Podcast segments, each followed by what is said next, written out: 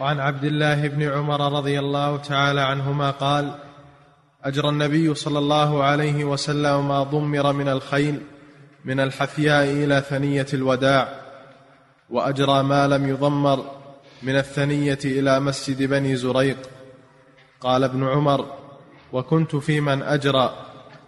قال سفيان من الحفياء إلى ثنية الوداع خمسة أميال أو ستة. ومن ثنية الوداع إلى مسجد بني زريق ميل. نعم.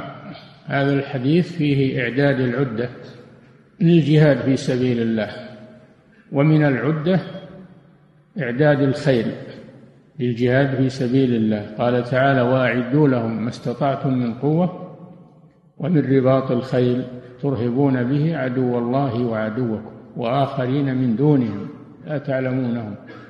الله يعلمهم فالخيل هي من أعظم ذوات الجهاد لأن الخيل تصلح في كل زمان ومكان والخيل معقود في نواصيها الخير إلى يوم القيامة كما قال صلى الله عليه وسلم ولا أحد يستغني عن الخيل حتى اللي عندهم مدرعات وطائرات يستعملون الخيل في بعض الأحوال الخيل لا يستغنى عنها. وأيضا ربما يأتي وقت تتعطل هذه الأسلحة وهذه الصناعات تتعطل فيرجع الناس إلى الخيل لأنها جعل الله فيها القوة وجعل فيها الهيبة فإعداد الخيل هذا أمر مستحب لأنه من القوة التي أمر الله بإعدادها. هذه مسألة. المسألة الثانية أن الخيل هذه تدرب على الجهاد. ما هو تربط الخيل وتخليها عندك وترفهها وتسمنها؟ لا تدربها على الجهاد.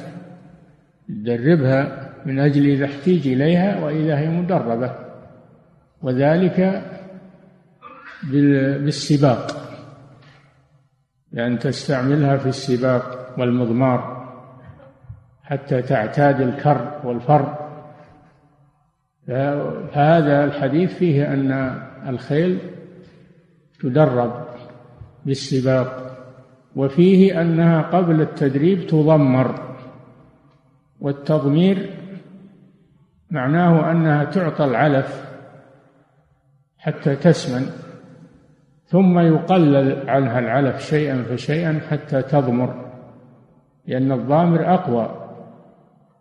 أقوى من السمينة ومن الشبعة فإذا سمنت بكثرة العلف يقلل عنها العلف شيئا فشيئا حتى يضمر جسمها وبطونها وتصبح خفيفة عند العدو. هذا هو التضمير. الرسول صلى الله عليه وسلم فرق بين المضمر من الخيل وبين غير المضمر.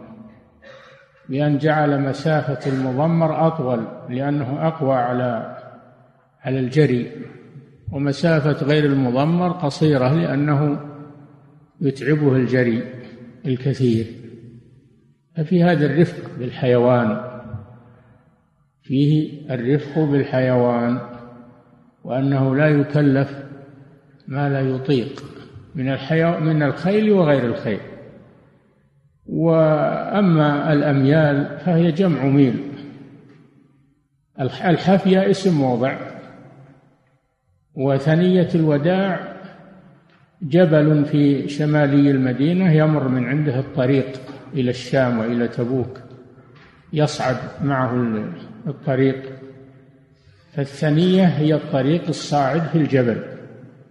وسميت ثنية الوداع لأن عادتهم أنهم يشيعون المسافر إلى أن يبلغوا هذه الثنية ثم يرجعون إلى المدينة فسميت ثنية الوداع لأنها يوادع عندها أو يودع عندها المسافر إلى جهة الشام أو تبوك. أو ولا تزال بهذا الاسم إلى الآن لكنها قد لكنها قد مر عليها طريق السيارات فسهلت سهلت وحفرت وصارت مساوية للأرض لكن طرفها موجود طرفها موجود وتسمى بهذا الاسم إلى الآن ثنية الوداع. عند مسجد يسمى مسجد ثنية الوداع شمالي المدينة.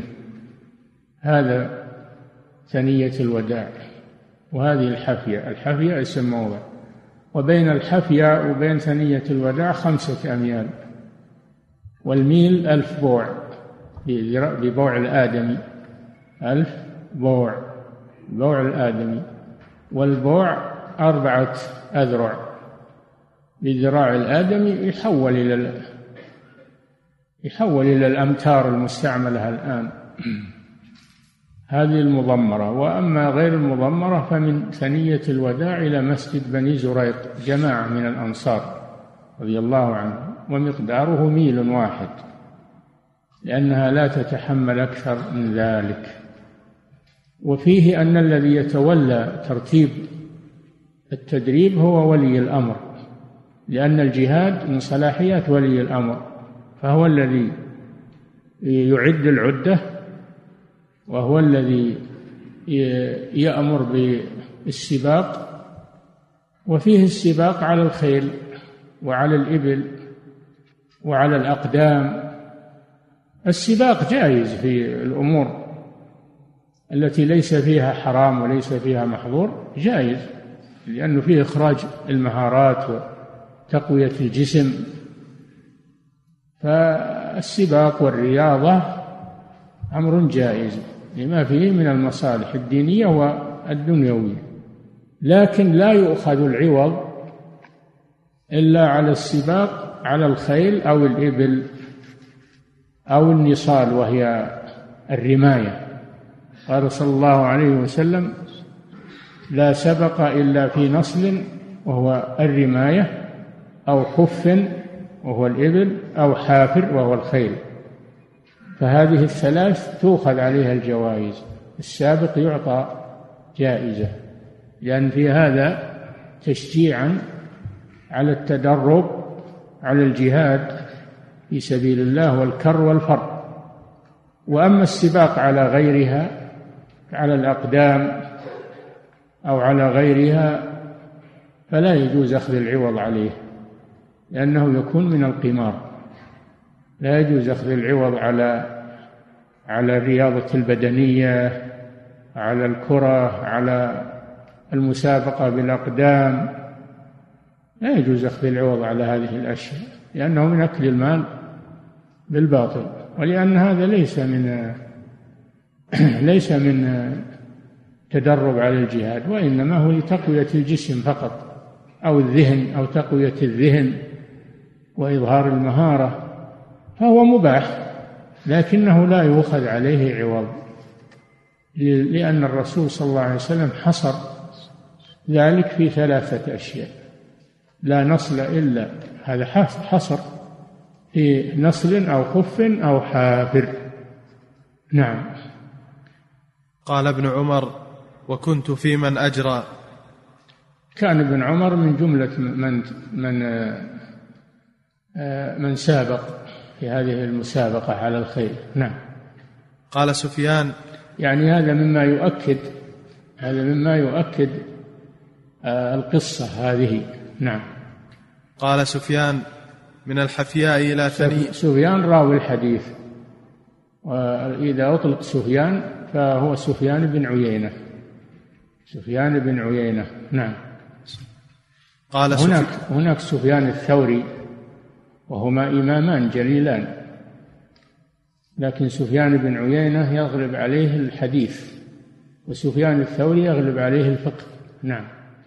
قال سفيان من الحفياء إلى ثنية الوداع خمسة أميال أو ستة ومن ثنية الوداع إلى مسجد بني زريق ميل. نعم.